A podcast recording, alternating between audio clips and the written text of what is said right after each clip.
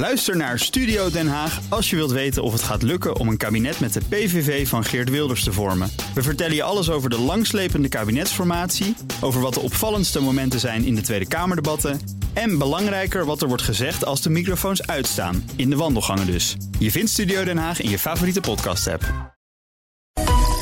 Economenpanel. Een verlenging van de strenge lockdown lijkt aanstaande. Kunnen alle voorspellingen voor 2021 dan alweer de prullenbak in? En na de bestorming van het Capitool afgelopen week... lijkt de rust in Amerika te zijn weergekeerd. Wat is de blijvende economische schade? Dat en meer bespreek ik in het Economenpanel. En uh, daarin zit Roelof Salomond, hoogleraar beleggingstheorie... en vermogensbeheer aan de Rijksuniversiteit Groningen. Ook adviseur bij verschillende financiële instellingen. En Marieke Blom, hoofdeconoom van ING. Welkom allebei. Goedemiddag. Um, we gaan het dan toch maar eens hebben over die uh, verlenging van de strenge lockdown. Want het is nog geen 19 januari, maar het katshuisberaad lijkt er wel uit te zijn. Drie weken verlenging en dan ook maar meteen een steunpakket dat meeademt. Um, Roelof, is dit catastrofaal? Kan het er wel bij? Hoe oordeel jij hierover? Nou ja, het kan er denk ik wel bij, uh, want slecht ging het al. En het wordt er hier natuurlijk niet veel beter op. Je ziet uiteindelijk wel dat, dat de korte termijn effecten zijn gewoon, zijn gewoon negatief. Je houdt een economie gewoon langer, langer op slot. En daarom moet je dus weer met allerlei steunpakketten gaan komen. Dus ik denk op korte termijn is het uh, helder negatief. Ik begin alleen wat langere termijn begin ik me wel wat zorgen te maken... dat dit wel wat te lang gaat duren. En wellicht wat littekens links en rechts voor het bedrijfsleven op gaat leveren. En op lange termijn wellicht wat productiviteitsverlies. En, en, en littekens, dan bedoel je dus dat het aantal faillissement... dat uh, de afgelopen maanden echt op een zeer laag niveau is blijven liggen... dat dat niet volgehouden kan worden? Nee, dat kan niet volgehouden worden. Uiteindelijk, want je ziet dat bedrijven hangen allemaal aan het overheidsinfuus. Uh, nou ja, en uiteindelijk zie je ook dat de bedrijven in leven worden gehouden... met goede redenen, omdat mensen hun baan willen houden... Uh, maar ja, uiteindelijk moet het natuurlijk wel gewoon... de economie moet weer gaan draaien. En dan zul je ook zien dat wellicht wat kapitaal... wat efficiënter geallockeerd zal moeten worden. Ja. Marieke, volgens mij hebben jullie bij ING wel eens uh, becijferd... hoeveel zombiebedrijven er zijn. Dat was toen, dacht ik, nog een uh, geruststellend laag percentage. 3% 4% klopt dat of niet? Ja, ja, nou, we hebben niet exact het aantal zombiebedrijven beredeneerd. Maar waar wij wel, daar zijn voor Nederland wel onderzoeken naar gedaan. Dat blijkt in Nederland inderdaad relatief laag te zijn. En je moet er daarbij bedenken dat wat je als zombie klassificeert. Dat zijn bedrijven die relatief veel rente betalen in verhouding tot de winst. En dat kan zo zijn omdat je eigenlijk op je laatste benen loopt. Maar dat kan ook zo zijn omdat je juist nog heel erg gaat groeien. Dus ik denk dat voor Nederland een soort van structureel zombieprobleem veel minder aan de orde is dan voor sommige andere landen. Denk bijvoorbeeld aan uh, Zuid-Europese landen, waar het echt een teken is van een slecht draaiend bedrijfsleven. En, en wat je ook moet bedenken is, in normale tijden gaat er misschien maar een, hè, zeg maar een paar procent van de bedrijven gaat failliet. En dat is nu dus ietsje lager, um, maar ja, ook weer niet zoveel lager dat je daar nou direct zorgen over moet hebben. Dat dus het gevoel van, oh, er is misschien niet genoeg creative destruction, hè, er gaan niet genoeg ongezonde bedrijven uh, kapot en dat, dat schaadt ons op lange termijn, is denk ik veruit ondergeschikt aan gaan er straks niet bedrijven die in de kern gezond zijn over de kop. En, en ik denk dat waar het kabinet naar zal kijken, is een, in een steunpakket toch voorkomen dat dat gebeurt. Hè? Dus dat in de kern gezonde bedrijven die het zonder corona zouden redden, dat die nu alsnog met, het, met de haven in zicht over de kop zouden gaan. Um, want dat is natuurlijk aan de ene kant he, zeg maar maatschappelijk heel pijnlijk. Want dat zou voor die ondernemers uh, uh, lijkt dat heel unfair. Ook voor al hun werknemers lijkt dat heel unfair. Maar het is ook zo, als je, als je die bedrijven overeind weet te houden... en je trekt ze even door dat laatste stukje heen... dan kan je economie ook weer gaan groeien daarna. En dan ben je niet allemaal geld kwijt aan WW-uitkeringen. Dan hou je hogere belastinginkomsten. Dus ik denk dat, je, dat er best een grote kans is dat je eventuele extra steun, hè, nog meer dan alleen maar. Ja, die nauwregeling beweegt al mee met de, met de schade. Dat die extra steun ook best wel uh, nou ja, rendabel zou ja. kunnen zijn. Het, het, de vraag is natuurlijk wel hoe ver je nog van de haven af bent. Of misschien is die hele haven wel een waanidee. Ja. Ja, nou kijk, dat, ik, denk die, dat waanidee van die haven... laten we er toch nu van uitgaan dat dat vaccin gewoon werkt. Hè. Dat lijkt mij uh, de meest logische aanname op basis van wat we er nu over weten. Dus dan komt er een haven aan waarin we weer normaliseren. Um, dan is de vraag, hoe ver is die weg? Nou ja, he, op basis van wat we weten over het vaccineren... ook over het, de komst van het voorjaar en zomer... zou je zeggen ergens tussen eind maart en laten we zeggen de zomervakantie vakantie zou de economie grotendeels weer moeten normaliseren. Dat is denk ik de best beschikbare kennis die we nu hebben. Dus daar zou je volgens mij vanuit moeten gaan.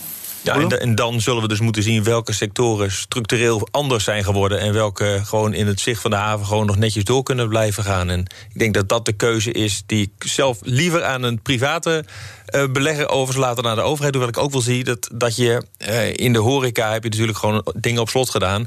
En daar kan je gewoon niks aan doen. Maar de reisbranche was sowieso al aan het veranderen. En retail was sowieso al aan het veranderen. En dat is gewoon in plaats van dat het vier jaar geduurd heeft, is het nu in vier maanden gebeurd. Nee, ik ken jullie voorliefde voor de reisbranche. Ik ga er ook zeker aan tegemoet komen. Want er gaan dingen misschien wel structureel veranderen. Maar toch nog even naar de retail. Want die noem je ook. Afgelopen vrijdag sprak ik Michiel Witteveen. Hij is eigenaar van de Mirage Retail Group. Vooral bekend van Blokker. En uh, toen was de verwachting nog dat die lockdown misschien twee weken verlengd zou worden. En volgens Witteveen is dat funest. Dat maakt zeker uit. Kijk, elke dag dat uh, die 800.000 mensen uh, niet in die retail werken, is er één. En het kost gewoon heel erg veel geld. En wat is gebleken is dat bij de eerste lockdown, bij, toen, toen was het zeg maar de intelligente lockdown, toen waren wij gewoon open. En toen zijn de besmettingen ook zeg maar waren onder controle. Dus men is volgens mij bezig met uh, een verkeerd middel tegen de, hele nare kwaal. Ja, Roelof, we hebben het over zaken die, die door de overheid worden opgelegd... en waar misschien nog wel begrip voor kan worden opgebracht. Tenzij nu blijkt, en dat zegt Witteveen hier... het is het verkeerde middel tegen een vervelende kwaal. Dus waarom ben ik eigenlijk dicht? Het helpt niet eens. Ja, nou rijd ik elke ochtend rijd ik op een fiets naar het station... en dan rijd ik door een straat in Leiden. En de blokken was daar altijd open. Maar van de andere winkels was de laatste jaren... stond de meerderheid was. Er kwamen steeds meer winkels in die straat die leeg stonden. Uh, dus uiteindelijk heeft een groot deel van de retailsector... die gaat gewoon structureel veranderen... omdat er veel meer naar online gaat. Dat zal voor de blokken waarschijnlijk niet het geval zijn... Um, maar voor de rest van de, het andere deel van de retailmarkt zal het wel het geval zijn. En ja, dat is denk ik heel vervelend voor de 800.000 mensen die daar, die daar werken. wat die ook nog eens een keer aan de onderkant van de arbeidsmarkt zitten. Maar het is wel een realiteit waar we mee te maken hebben. Ja, ja Marieke, uh, het gaat hier volgens Witteveen ook nog over welke prioriteiten nu wordt gesteld in het bestrijden van deze pandemie. Dat heeft hij in het FD gezegd, zegt hij ook nu tegen ons eh, in BNR Zaken doen. Uh, dit is nog altijd een feestje voor virologen en er wordt nog te weinig gekeken naar de economische consequenties tegemoetkomingen, ze zijn er wel, maar dat gaat dan over bijvoorbeeld 20.000 euro voor vaste lasten. Als je meer winkels hebt, dan is dat lang niet toereikend. Kortom, kijk er eens met een andere blik naar, door een andere bril. Heeft Witteveen toch een begin van een punt? Nou, ik denk dat hij. Natuurlijk heeft hij een begin van een punt. Wat het lastige is, hè, en dat kan ik ook echt niet beoordelen. Kijk, er is op een gegeven moment door het CBS een vergelijking gemaakt van België en Nederland tijdens de eerste lockdown. Wij hielden toen de niet-essentiële winkels open, zij sloten ze. Um, de economische effecten waren in België veel ernstiger. De gezondheidseffecten waren vergelijkbaar, of misschien zelfs ook wel een beetje ernstiger in België. Nou, dan weet, dan weet ik daarmee nog steeds niet van ja, is dat nou omdat misschien hun startpunt uh, slechter of, of noem maar op. Hè. Uh, maar ik snap op zich wel dat Witteveen, die vraag stelt. Het lastige is, um, gaat, gaat een, OMT hè, of, of een kabinet nu de, de tijd en de ruimte hebben of nemen om dat eens eventjes goed te gaan beoordelen? Ik vrees eerlijk gezegd dat dat niet gaat gebeuren. Um, en, en in alle eerlijkheid, ik weet ook niet zeker hè, of daar een andere uitkomst uit zou komen als je die analyse wel goed zou maken. Wat ik steeds begrijp is dat ze ook met name het aantal vervoersbewegingen bijvoorbeeld willen beperken. Um, en ja, weet je, op een gegeven moment kan het ook zijn dat kleine verschillen ook een verschil maken. Hè. Dus, dus ik voel wel mee in dat idee van, uh, ja, we hadden in het eerste kwartaal hadden we echt een intelligente lockdown. En, en ja, daar hebben we ook echt wel van geprofiteerd. Um, ja, dit is wat dat betreft ja, gewoon lomper. Uh, maar het kan ook zo zijn dat de situatie ook simpelweg lomper is. Hè? Dus ik bedoel, ja, dat, dat huidige virus, die variant, is gewoon um, besmettelijker. En dat kan betekenen dat we daardoor dat soort maatregelen nodig hebben. Ik weet het niet. Nee. Um, er zijn. Um instituties, organisaties, grote banken... die ook al weten ze niet allemaal toch nog verwachtingen hebben uitgesproken over 2021. Ik heb op de dag dat uh, de Nederlandse Bank met ramingen kwam met Olaf Slijpen gesproken. En toen werd ook aangekondigd dat er een lockdown zou volgen. En hij zei, dit kan meteen bij het uh, oud vel, je hebt er eigenlijk niks meer aan. ING heeft overigens ook nog uh, volgens mij iets gezegd over 2021. Maar ik begin bij jou, Roelof. Ja. Heeft het zin om nog iets te zeggen over economische groei in 2021? Nou, qua puntschatting niet. Maar qua richting wel. En ik denk dat we denk ik wel de conclusie kunnen en moeten trekken... dat 2021 beter zal zijn dan 2020. Yes! Maar in welke mate en wat dat voor gevolgen... en de verdeling van de groei, ik denk dat dat, uh, ja, dat is gewoon... Uh, een illusie dat je daar enige, enigszins iets over kan, kan zeggen. Nou, misschien kun je iets zeggen op basis van het derde kwartaal van 2020... toen de economie veerkrachtig bleek en ook een sterker herstel liet zien... dan iedereen voor mogelijk hield. Uh, hou je die veerkracht vast, ook als dit langer duurt? Of kun je iets minder van zo'n effect uitgaan? Nou, wat je, wat je ziet in de voorlopende indicatoren is dat je ziet dat de in maakindustrie die draait nog redelijk door. De productiecijfers blijven nog goed. Uh, de, het vertrouwen van bedrijfsleven ligt toch nog net boven de 50, of sterker nog ligt vers boven de 50. Dan heb je er vertrouwen in, hè? Bij, bij dan heb je er vertrouwen in, boven de 50 is goed. Ja. Terwijl de hele dienstensector, ja, die ligt nog gewoon op schat. Die is aangetrokken in Q3 en die zwakt nu weer af. En dat is denk ik ook de grootste zorg die je hebt. Want ja, daar werken de meeste mensen. Um, daar is, en daar is ook de meeste pijn van, het, van de corona-discussie. ja, ING heeft zich er zoals gezegd ook aangewaagd. Een groeiverwachting voor de Nederlandse economie voor dit jaar. Waar kwamen jullie op uit in november? Nou ja, kijk, wat, uh, uit mijn hoofd 2,6 procent. En ja, die hebben we aangepast. We zullen wel moeten, want je kijkt naar hoe het hele jaar eruit ziet. En het eerste deel van het jaar is gewoon nu met de informatie die we nu hebben ten opzichte van december alweer significant verslechterd. Ik denk dat waar we proberen toegevoegde waarde te leveren, en ook dan weten we, hè, de toekomst is onzeker, is door te kijken van ja, maar wat is nou het blijvende effect hiervan? En um, uh, de vraag die we ons dan stellen is: gaat dit nou heel veel extra faillissementen opleveren? Gaat dit nou heel veel extra werkloosheid opleveren? En eindigen we het jaar dan dus veel slechter dan we in december nog dachten? Want ja, dat, dat, dat die eerste maanden slecht zullen zijn, dat kan iedereen op zijn klompen aanvoelen. Nou, we denken wel dat het een additioneel effect heeft op de economie. Uh, dus dat je inderdaad wat extra faillissementen zult krijgen, dat je inderdaad wat extra werkloosheid zult krijgen. Uh, dat bedrijven bijvoorbeeld in de tussentijd ook wat minder investeren en dus ook weer wat minder productiecapaciteit hebben om dan uh, de tweede helft van het jaar mee in te gaan. maar dat is niet een hele grote verandering ten opzichte van wat we in december zeiden. En dat heeft alles te maken met die steunpakketten aan de ene kant. dat heeft ook te maken met inderdaad die opbouw van buffers bij consumenten.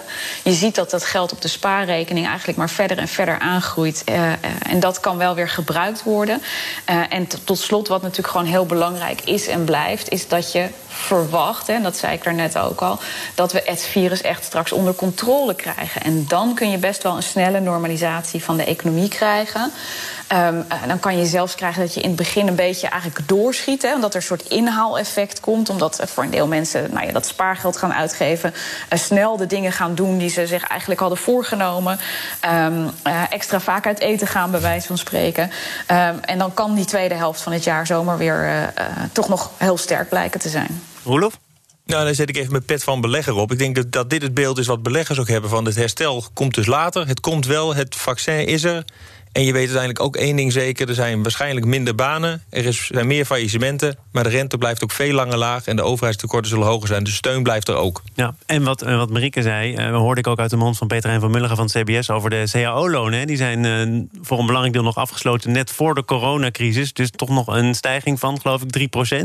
En hij zei: ja, er komt dus heel veel geld binnen. Er gaat steeds minder geld uit. Op het moment dat dat wel weer kan dan zou het wel eens kunnen zijn dat het geld ook echt stevig gaat rollen. Maar ik zie bedenkingen bij jou. Nee, ik zie dat punt van die buffer zie ik ook. En dat het geld stevig gaat rollen in de tweede helft van het jaar, dat zie ik ook. Ik moest alleen even denken aan een paar berichten die ik vandaag kreeg over de woonlasten in, in Leiden, waar ik woon, die wel uh, met meer dan 10% omhoog gaan. Dus ik kan het gelukkig leiden. Maar uh, als jij niet al te veel uh, loonsverhoging hebt gehad en niet te veel buffers, dan heb je wel een probleem.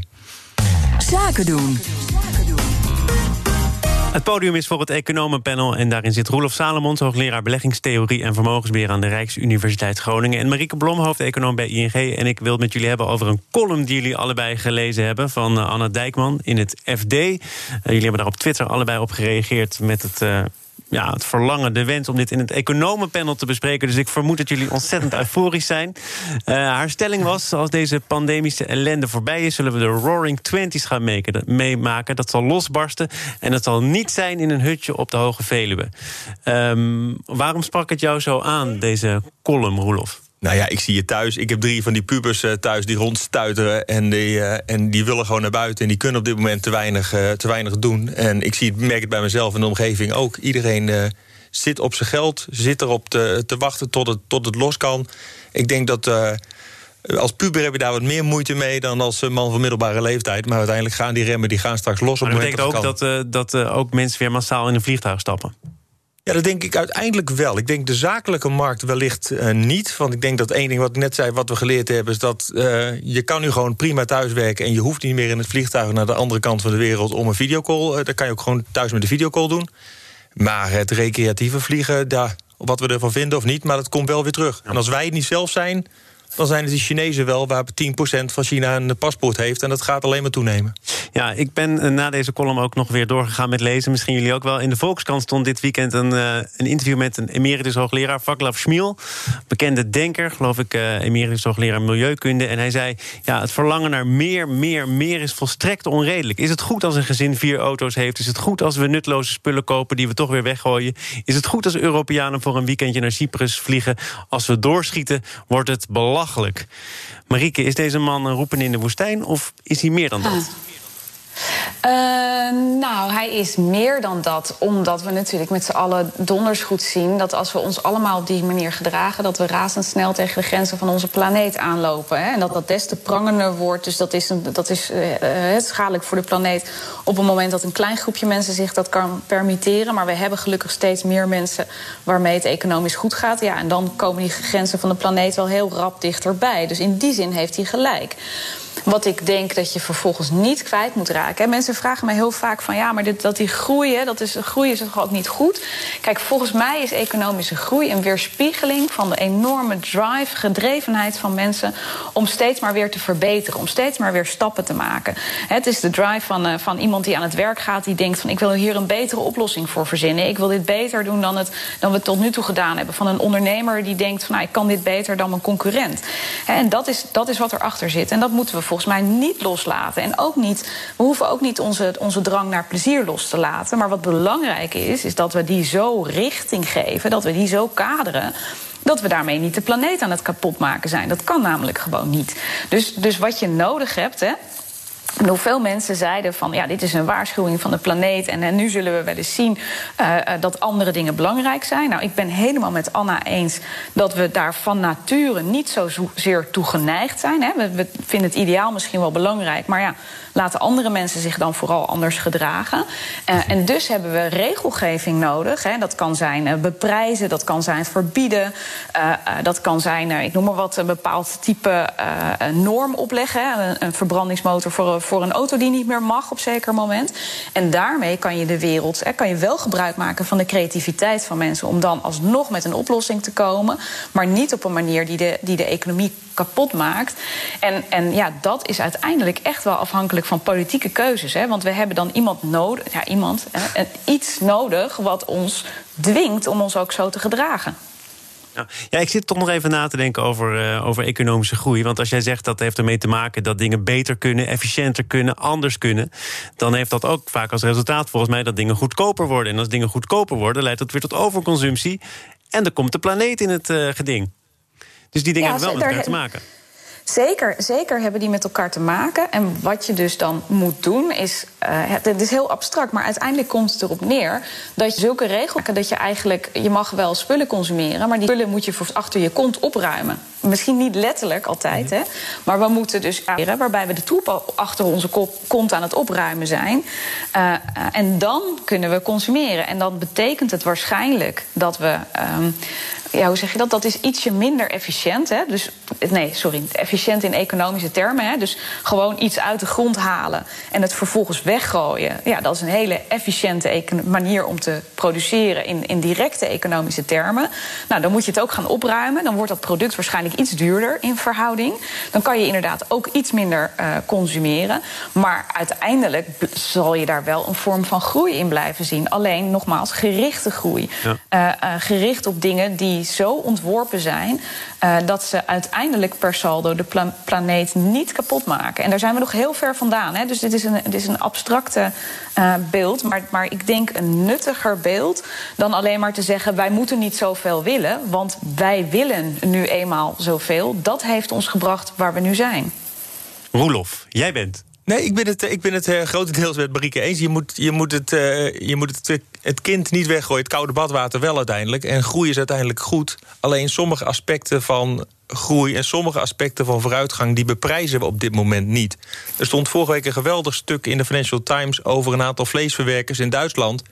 die er gewoon redelijk uitgemolken worden door de, door de fabrikanten. Als mensen dat niet weten, maar wel voor 1 euro uh, de kiloknallers willen, willen houden Terwijl ze niet weten dat de gevolgen daarvan deels dat zit niet in de prijs dat die mensen daar uh, gewoon. En dat moet je uiteindelijk zichtbaar maken en in de prijs disconteren. Moet ik, dan... We moeten misschien iets te, iets te snel niet naar, naar consumer shaming gaan. Maar als je voor 1 euro een kilo vlees koopt, dan hoor je toch eigenlijk te weten dat dat niet kan.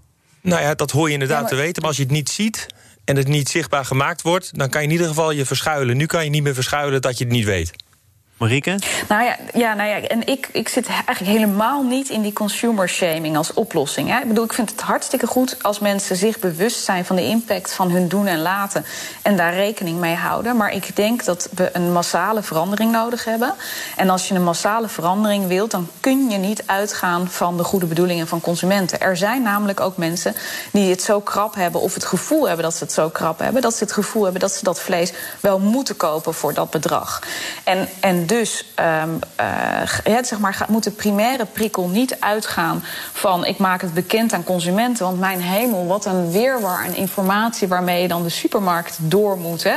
Uh, uh, neem alleen al alle verschillende aspecten van duurzaamheid. Hè. Dus iets kan goed zijn voor het klimaat, maar slecht voor de biodiversiteit, om maar wat te noemen. Nou, dat wil je een consument helemaal niet aandoen. Dat kan ook helemaal niet.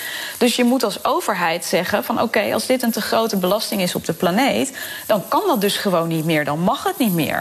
Uh, um, ja, hè, dat is eigenlijk de enige manier waarop je echt een deuk in een pakje boter slaat. Want weet je, we kunnen wel tegen elkaar gaan zeggen we moeten het anders doen. Maar we weten gewoon dat er te veel mensen zijn uit onderzoek die dat of niet kunnen of niet willen. Uh, dus dan moet je volgens mij ook niet je. Uh, je moet je wereld niet indelen op een, of organiseren op een onrealistisch wereldbeeld. Want dan krijg je nooit wat je wilt. Roelof? Ik zag, een, ik zag, dacht ik, ondanks dat jullie nou, natuurlijk ik, op hoofdlijnen altijd met elkaar ja, eens zijn... Maar ik, zag toch een, de, ik zag toch een uh, in de hoe, in, Ja, in de wat wel, de hoe niet. Ik, uiteindelijk ben ik, ik ben voor transparantie en voor beprijzen... en ik ben wat minder voor de rol van de overheid om hierin in te grijpen. Als het niet hoeft. Maar als ik denk dat we eerst die andere stappen nog kunnen maken. Eh, toevoeging achter de komma. Want de, de, andere stap is dus dat de overheid er niets mee te maken heeft. En dat je dus wel moet uitgaan van het goede van de mens. En ook als die mens bijvoorbeeld wat minder te besteden heeft. Want soms is het natuurlijk ook niet een keuze uit luxe om te kiezen voor goedkoper vlees. Mhm. Nee, maar dat, dan, dan, dan wordt het een lastige discussie. Maar dan maak je in ieder geval transparant en dan maak je duidelijk waar het uiteindelijk over gaat. En dat, voor mij kun je eerst die andere twee stappen al doen voordat je dingen gaat verbieden. Marieke, waar verwacht jij eigenlijk, het zijn de Roaring Twenties, die zijn begonnen, waar verwacht jij blijvende veranderingen? Nou ja, ik denk, eh, we, gaan dichter, we gaan thuis werken, eh, we gaan eh, meer thuis winkelen en we gaan minder zakelijk reizen. Dat zijn volgens mij de evidente veranderingen. Maar Roelof zei het daar net ook al heel goed. Hè. Wij maken zelf ook projecties van energieverbruik. Hè, en dan, dan maak je lange projecties, want dat is uiteindelijk wat voor klimaatverandering relevant is. En ja, dan is dit zeg maar een klein tijdelijk dipje. maar daarna zul je dat allemaal stevig weer zien groeien. Dus, dus ik denk dat dit, hè, maar, dat met name dat thuiswerken en dat, dat minder zakelijk reizen heeft, is win-win. Want het is uh, uh, minder impact uh, op de planeet. en het past misschien ook beter bij de voorkeuren. Maar thuis winkelen, hè, daar kan je al meer discussie over hebben. Ja. Um, uh, ja, dus ik denk dat daar wel iets van blijvende veranderingen in zit. Maar tegelijkertijd moeten we het niet overschatten. En ik, mag ik één ja, toevoegen? Ik denk dat dit zelfs productiviteitsverhogend kan werken. Want we gaan een deel van onze tijd die totaal improductief was, reistijd, gaan we namelijk een stuk minder van hebben. En die tijd kunnen we weer anders gaan besteden. Ik sluit af met een onderzoek van de Europese Investeringsbank. Vandaag bekend geworden uh, de top 5 van dingen die Nederlanders willen gaan doen om het klimaat uh, te verbeteren. Stoppen met vliegen is één. Daarna uh, stoppen met vlees eten. Videostreaming en nieuwe kleding kopen staan in de top 5 van dingen die Nederlanders bereid zijn op te geven om klimaatverandering tegen te gaan. Ja, Thomas. Wat mensen oh. zeggen is helaas niet altijd ja, wat ik, ze doen, hè? Ik, ik zie dat videostreamen thuis ook bij die kinderen bijna nog niet minder worden. Ik dacht, ik sluit er hoopvol af. Oh, ja. ja mislukt. mislukt. Marieke, bedankt. Hoofdeconoom van ING. En Roelof Salomons was ook hier hoogleraar beleggingstheorie en vermogensbeheer aan de Rijksuniversiteit Groningen. En ehm, ik hoop jou snel weer te zien. Uh, zometeen het uh, tweede deel van BN... Nee, het vierde deel van BNR Zaken doen. Een gesprek met Pieter Waasdorp. Hij is directeur. En dan gaat het over innovatie en ondernemerschap... bij het ministerie van Economische Zaken. En het gaat dan in het bijzonder over de techbeurs CES. Die vindt dit jaar niet fysiek, maar digitaal plaats. Ook Hugo Reitsma vind je in de BNR-app. Superhandig die BNR-app. Je kunt alle programma's live luisteren, breaking nieuwsmeldingen. Je blijft op de hoogte van het laatste zakelijke nieuws. En je vindt er alle BNR-podcasts, waaronder natuurlijk de belangrijkste, Boeken zijn in de wijk. Download nu de gratis BNR-app en blijf scherp.